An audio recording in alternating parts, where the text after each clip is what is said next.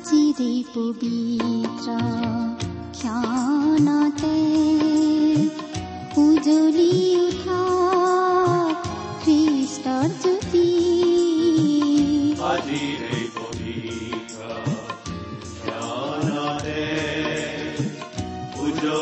উঠা খ্ৰীষ্টৰ জ্যোতি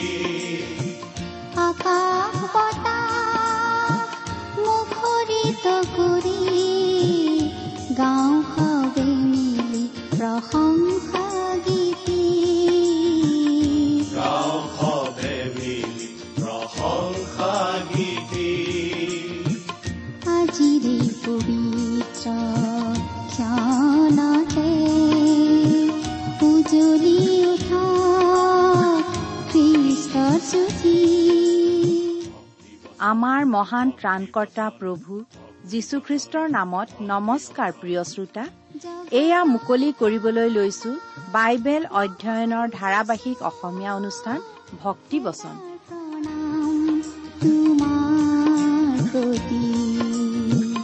জগতৰ মহান যিছু এটাৰ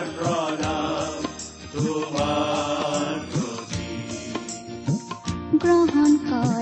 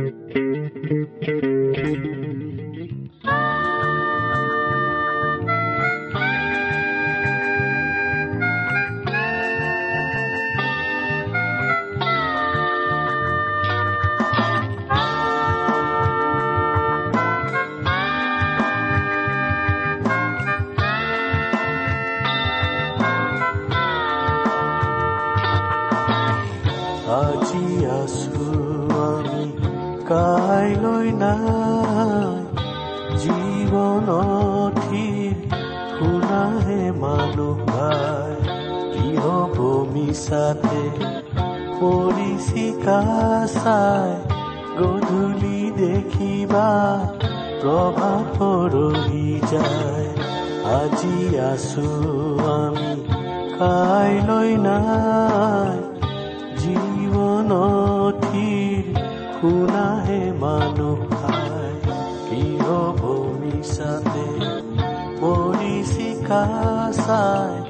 গধূলি দেখিবা প্ৰভাত পৰহি যায়। আজি আছো আমি কাইলৈ নাই।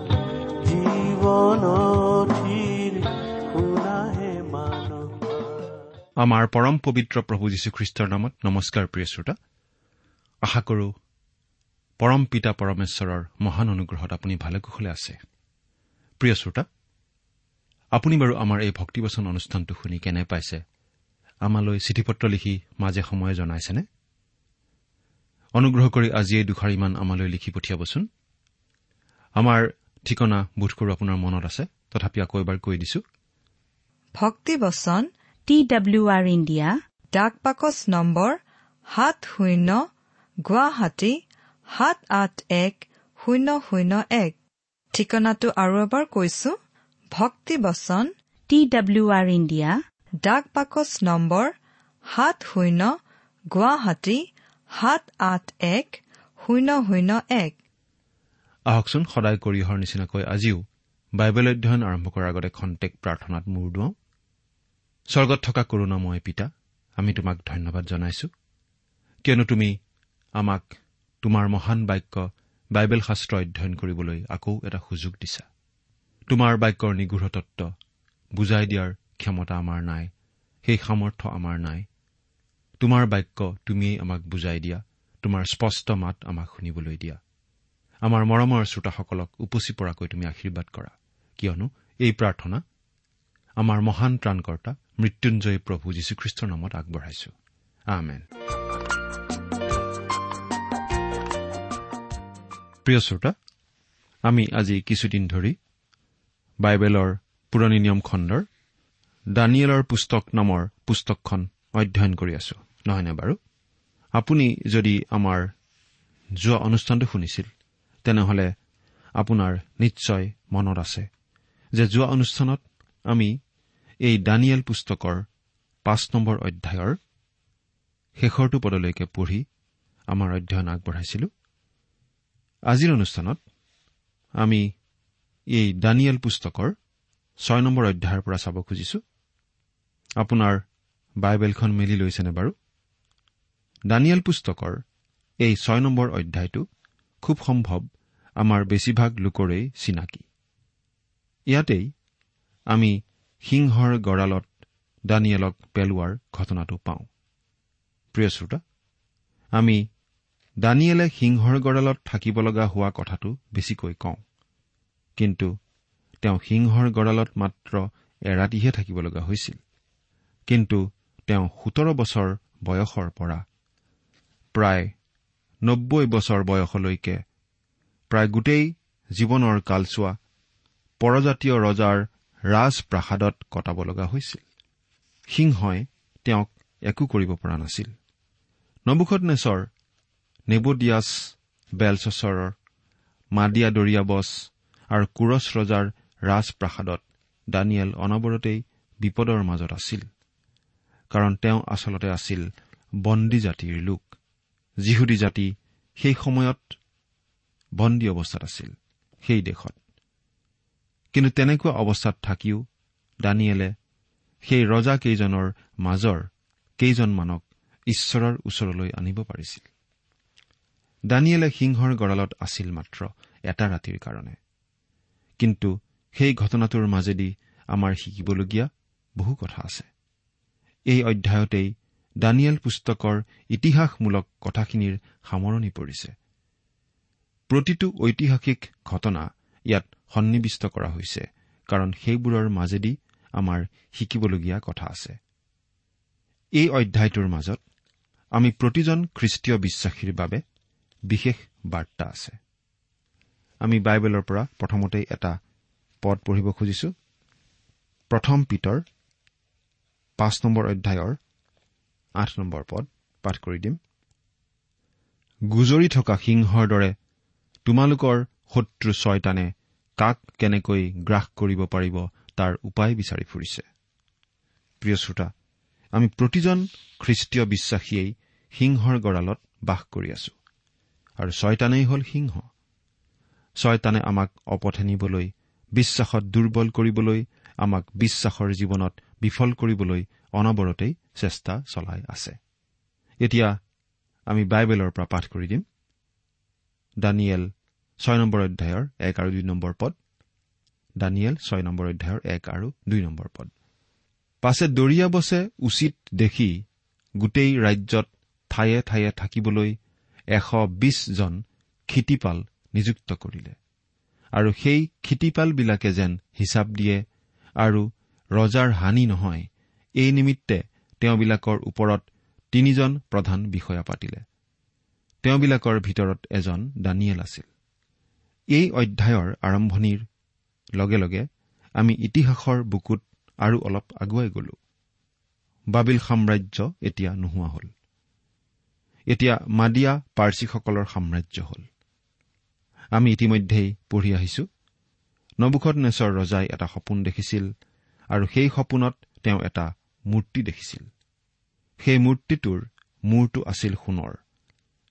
সেই সোণৰ মূৰটোৱে বুজাইছিল বাবিলন সাম্ৰাজ্যক।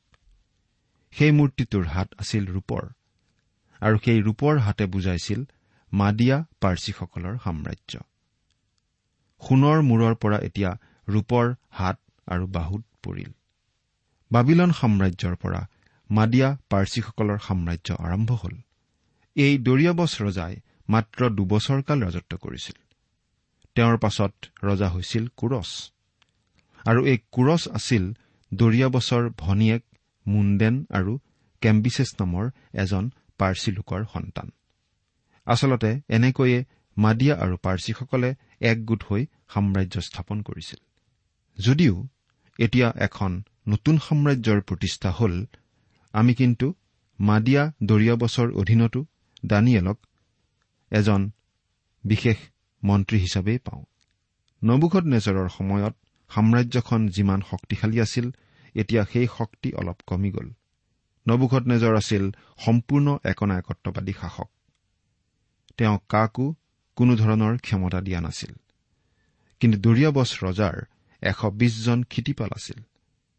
সেই ক্ষিতিপাল কেইজনেও যথেষ্ট ক্ষমতা পাইছিল। এই ক্ষিতিপালসকলৰ ওপৰত তিনিজন প্ৰধান বিষয়া পতা হৈছিল।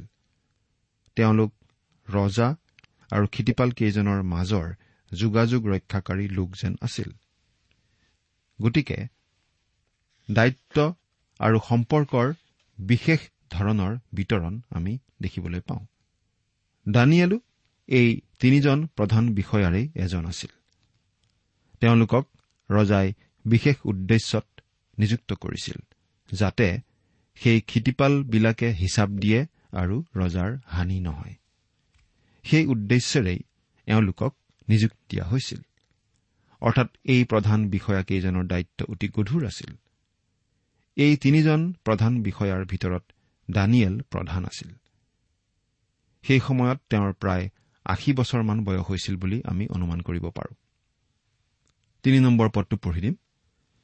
সেই সময়ত এই দানিয়েলৰ অন্তৰত উত্তম আত্মা থকাত আন দুজন প্ৰধান বিষয়াতকৈ আৰু ক্ষিতিপালবিলাকতকৈ তেওঁ প্ৰধান আছিল। এই নিমিত্তে ৰজাই তেওঁক সমুদায় ৰাজ্যৰ ওপৰত নিযুক্ত কৰিবলৈ মন কৰিলে। সেই তিনিজন প্ৰধান বিষয়াৰ মাজত দানিয়েল বয়োজ্যেষ্ঠ আছিল বুলি আমি ক'ব পাৰোঁ। কিন্তু তেওঁৰ ক্ষমতাও বেছি আছিল। দানিয়েলৰ অন্তৰত উত্তম আত্মা আছিল বুলি ইয়াত কোৱা হৈছে। তাৰমানে তেওঁ ঈশ্বৰৰ আত্মাৰে পৰিপূৰ্ণ লোক আছিল। তেওঁৰ ওপৰত ৰজাৰ ইমান বিশ্বাস আছিল যে ৰজাই তেওঁক গোটেই ৰাজ্যসমূহৰ ওপৰত প্ৰধান নিযুক্ত কৰিবলৈ ইচ্ছা কৰিলে। অৰ্থাৎ ঠিক ৰজাৰ পিছতেই দানিয়েলৰ স্থান হ'ব। তাতে আন দুজন প্ৰধান বিষয়া আৰু ক্ষিতিপালবিলাকে ৰাজকাৰ্যৰ বিষয়ে দানিয়েলৰ অহিতে ছিদ্ৰ বিচাৰিলে। কিন্তু কোনো ছিদ্ৰ কি দোষ পাব নোৱাৰিলে? কিয়নো তেওঁ বিশ্বাসী আছিল। তেওঁত কোনো ভুল বা দোষ পোৱা নগ'ল। প্ৰিয় শ্ৰোতা এটা কথাত নিশ্চয় আমি সকলো একমত হ'ব পাৰোঁ যে যদিহে কোনো লোক কোনো অনুষ্ঠান প্ৰতিষ্ঠান আদিৰ মুৰব্বী হয় তেন্তে তেনে লোকক হিংসাকুৰীয়া মানুহে সদায় চেক চাই থাকে। কোনো ধৰণৰ দুৰ্বলতা কোনো ধৰণৰ সামান্য ভুল চকুত পৰিলেই সেইবোৰ প্ৰচাৰ কৰি দিব খোজে নাইবা সুবিধা চাই সেইবোৰ অস্ত্ৰ হিচাপে ব্যৱহাৰ কৰিব খোজে। দানিয়েলৰ অতীত জীৱনত কোনো খুট নাই বুলি ক'ব পাৰি। দানিয়েলক হিংসা কৰা মানুহবোৰে দানিয়েলৰ বিৰুদ্ধে একো কবলগীয়া কথা বিচাৰি নাপালে। দানিয়েলৰ স্বভাৱ চৰিত্ৰ একোতে তেওঁলোকে একো ভুল বিচাৰি উলিয়াব নোৱাৰিলে। দানিয়েলৰ কাম কাজতো একো ভুল বিচাৰি তেওঁলোকে নাপালে। বহুতো নেতা আছে তেওঁলোকে কয় যদিহে সুবিধা পায় জীৱনটো অলপ বেলেগ ধৰণে যি চালেহেঁতেন। বহুতো লোকে কয় যদিহে তেওঁলোকে অতীতৰ জীৱনটো অলপ বেলেগ ধৰণে কটালেহেঁতেন খুব ভাল হলহেঁতেন। আচলতে আমি প্ৰায় সকলো লোকেই এই কথাকেই ক'ব লগা হয়। প্ৰিয় শ্ৰোতা চিন্তা কৰি চাওকচোন আমাৰ জীৱনৰ বিষয়ে আন লোকে বাৰু কি কয়?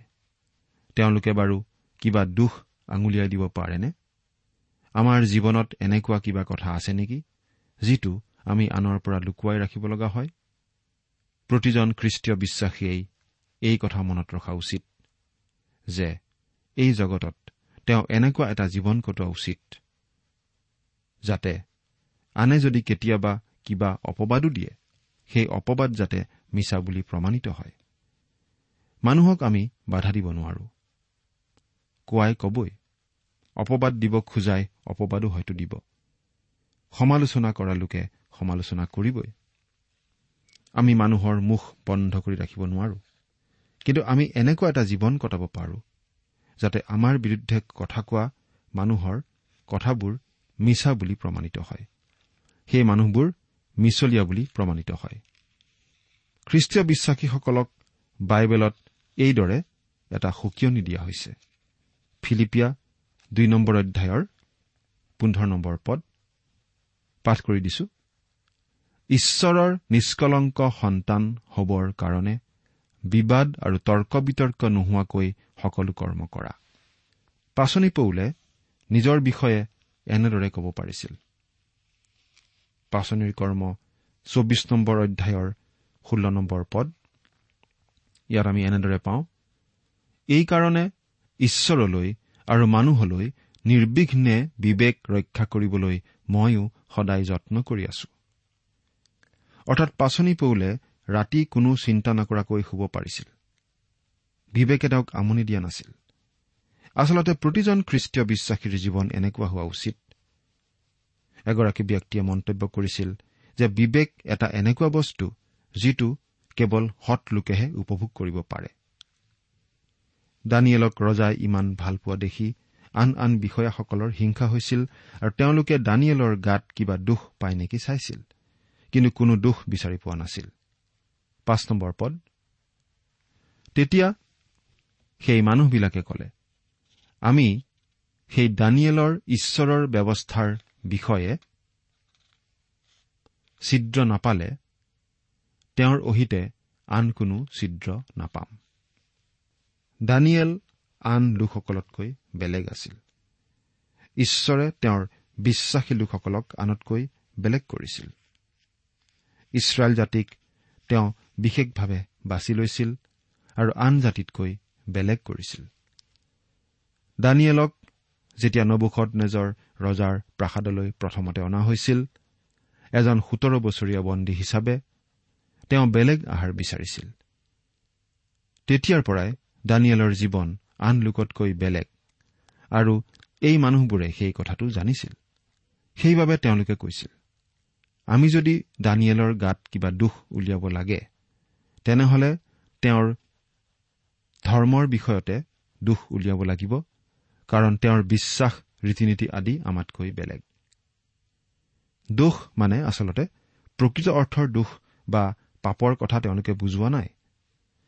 ৰজাৰ আগত লগাব পৰা কিবা কথাৰ বিষয়েহে তেওঁলোকে কৈছে।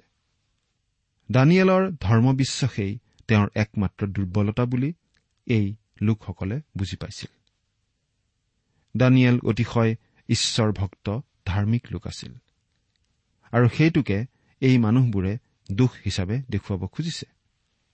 দানিয়েলৰ এই ভক্তিপূৰ্ণ প্ৰাৰ্থনাশীল জীৱনৰ বাবেই যাতে ৰজা আৰু দানিয়েলৰ মাজত সংঘাতৰ সৃষ্টি হয় তেওঁলোকে সেই চিন্তা কৰিছিল।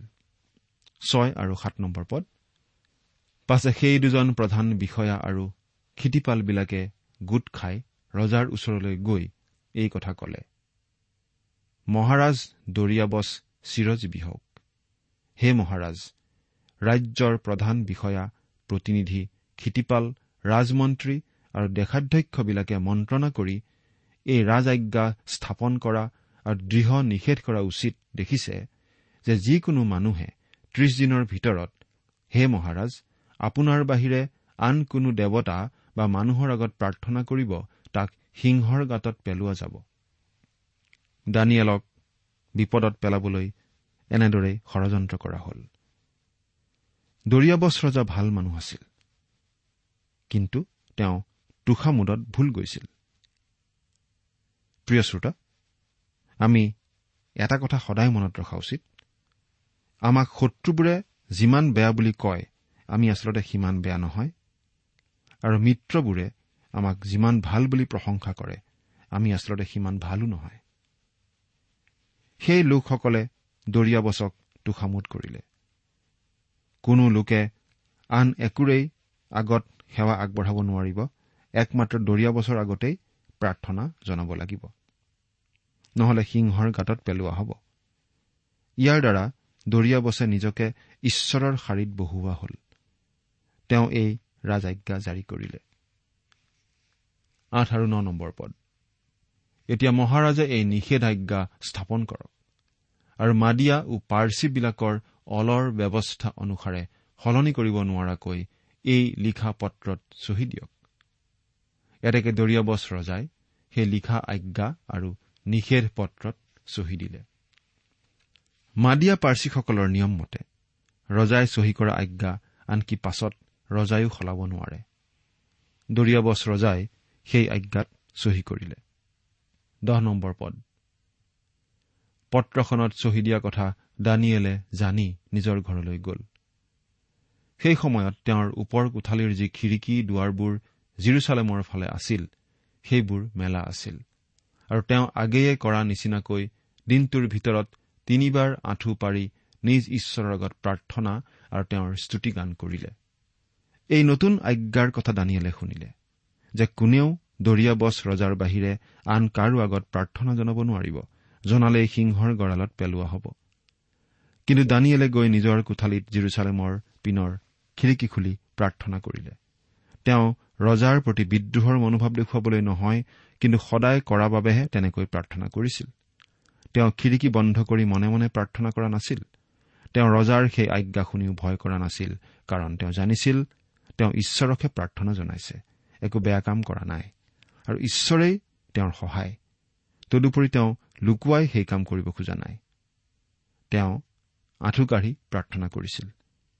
প্ৰাৰ্থনা কৰোঁতে আঁঠু কঢ়াটো উত্তম অভ্যাস। আমি আমাৰ ব্যক্তিগত প্ৰাৰ্থনাৰ সময়ত আঁঠু কাঢ়িবলৈ অভ্যাস কৰাটো নিশ্চয় ভাল কথা। দানিয়েলে জিৰচালেমলৈ মুখ কৰি প্ৰাৰ্থনা কৰিছিল। সেয়াই আছিল তেওঁৰ প্ৰাৰ্থনাৰ দিশ। সেই দিশ তেওঁ সলনি কৰিব খোজা নাছিল। ৰজাৰ আজ্ঞাই তেওঁৰ প্ৰাৰ্থনাৰ দিশ সলনি কৰিব পৰা নাছিল। সেই সময়ত যিহুদী মানুহবোৰে জিৰচালেমৰ পৰা আঁতৰত থাকিলে প্ৰাৰ্থনা কৰা সময়ত জিৰচালেমলৈ মুখ কৰি প্ৰাৰ্থনা কৰিছিল। কিন্তু আজি আমাৰ বাবে কোনো বিশেষ ঠাইক উচ্চ স্থান দিয়া হোৱা নাই। প্ৰভু যীশুৱে এনেদৰে কৈছিল জোহন চাৰি নম্বৰ অধ্যায়ৰ একৈশ আৰু চৌবিশ নম্বৰ পদ যীশুৱে তেওঁক কলে হে নাৰী মোত বিশ্বাস কৰা। যি কালত তোমালোকে এই পৰ্বতত নাইবা জিৰচালেম নগৰত পিতৃৰ ভজনা নকৰিবা সেই কাল আহিছে। ঈশ্বৰেই আত্মা আৰু তেওঁৰ ভজনা কৰাবিলাকে আত্মাৰে আৰু সত্যৰে তেওঁৰ ভজনা কৰিব লাগে। এতিয়া এঘাৰ নম্বৰ পদটো পঢ়িছো। তেতিয়া সেই মানুহবিলাকে গোট খাই আহি দানিয়েলক তেওঁৰ ঈশ্বৰৰ আগত প্ৰাৰ্থনা আৰু মিনতি কৰা পালে। সেই মানুহকেইজনে দানিয়েলে প্ৰাৰ্থনা কৰালৈ বাট চাই আছিল। আচলতে তাৰ দ্বাৰা দানিয়েলক প্ৰশংসা কৰাৰ নিচিনা হ'ল।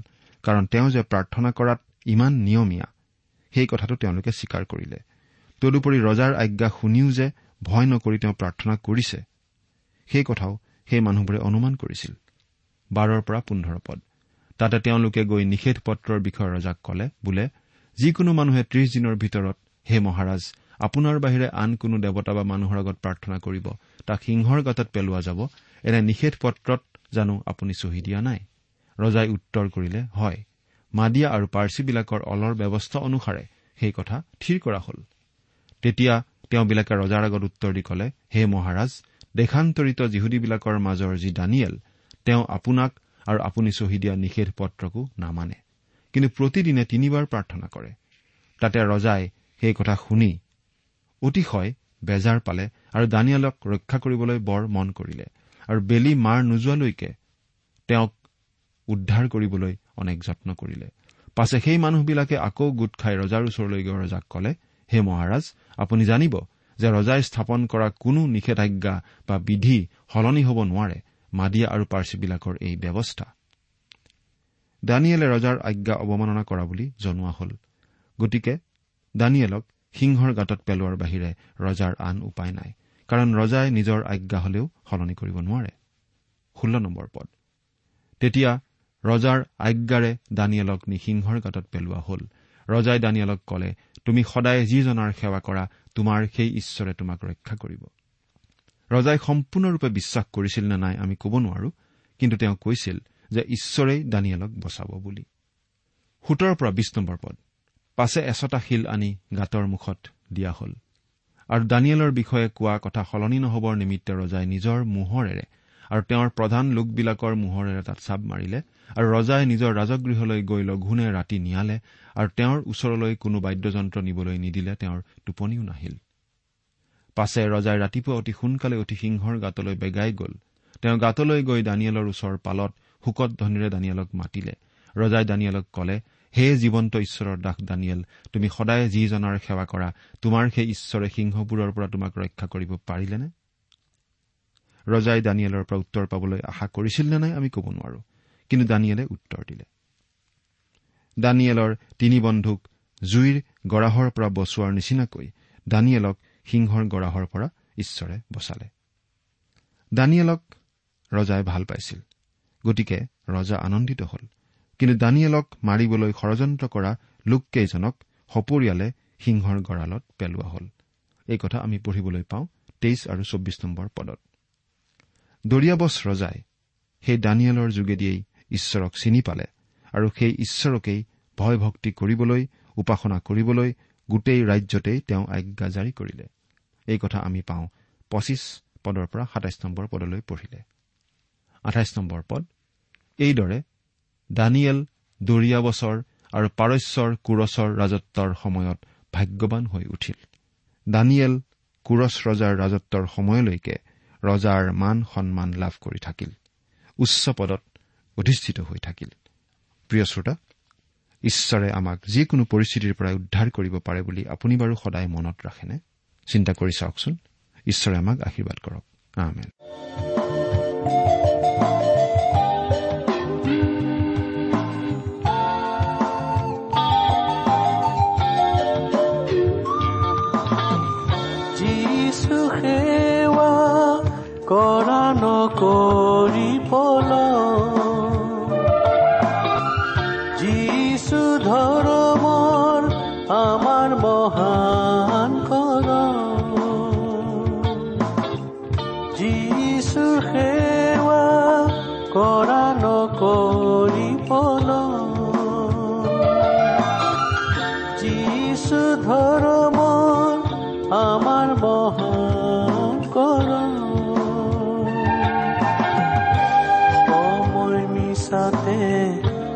সেৱাৰ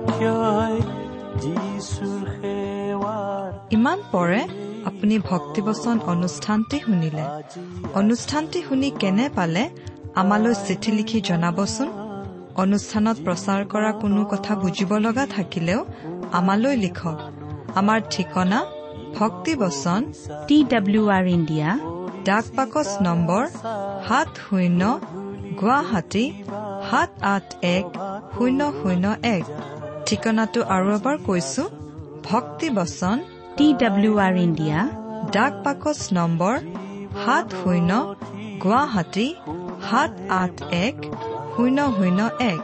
আপুনি ইমেইল যোগেৰেও আমাৰ সৈতে যোগাযোগ কৰিব পাৰে। আমাৰ ইমেইল আইডিটো হৈছে Assamese T TV at radio' eight eight two dot com আইডিটো আকৌ এবাৰ কৈছো Assamese T TV at radio' eight eight two dot com আপুনি টেলিফোনৰ মাধ্যমেৰেও আমাক যোগাযোগ কৰিব পাৰে। আমাৰ টেলিফোন নম্বৰটো হৈছে শূন্য তিনি ছয় এক দুই ছয় শূন্য চাৰি ছয় সাত এক। ফোন নম্বৰটো আকৌ এবাৰ কৈছো zero' three six one two six zero' four six seven one আজিৰ অনুষ্ঠানটি ইমানতে সামৰিছো। ঈশ্বৰৰ শান্তি আৰু অনুগ্ৰহ আপোনাৰ লগত থাকক। ধন্যবাদ। সময় মিছাতে নকৰিবা ক্ষয় যিছুৰ সেৱাৰ এই সময় আজি আছো আমি। কাইলৈ না জীৱন থিৰ শুনাহে মানুহ হব মিছাতে মৰিচিকা চাই গধূলি দেখিবা প্ৰভাত পৰহি যায়। আজি আছো আমি কাইলৈ নাই। জীৱন থিৰ শুনাহে মানুহ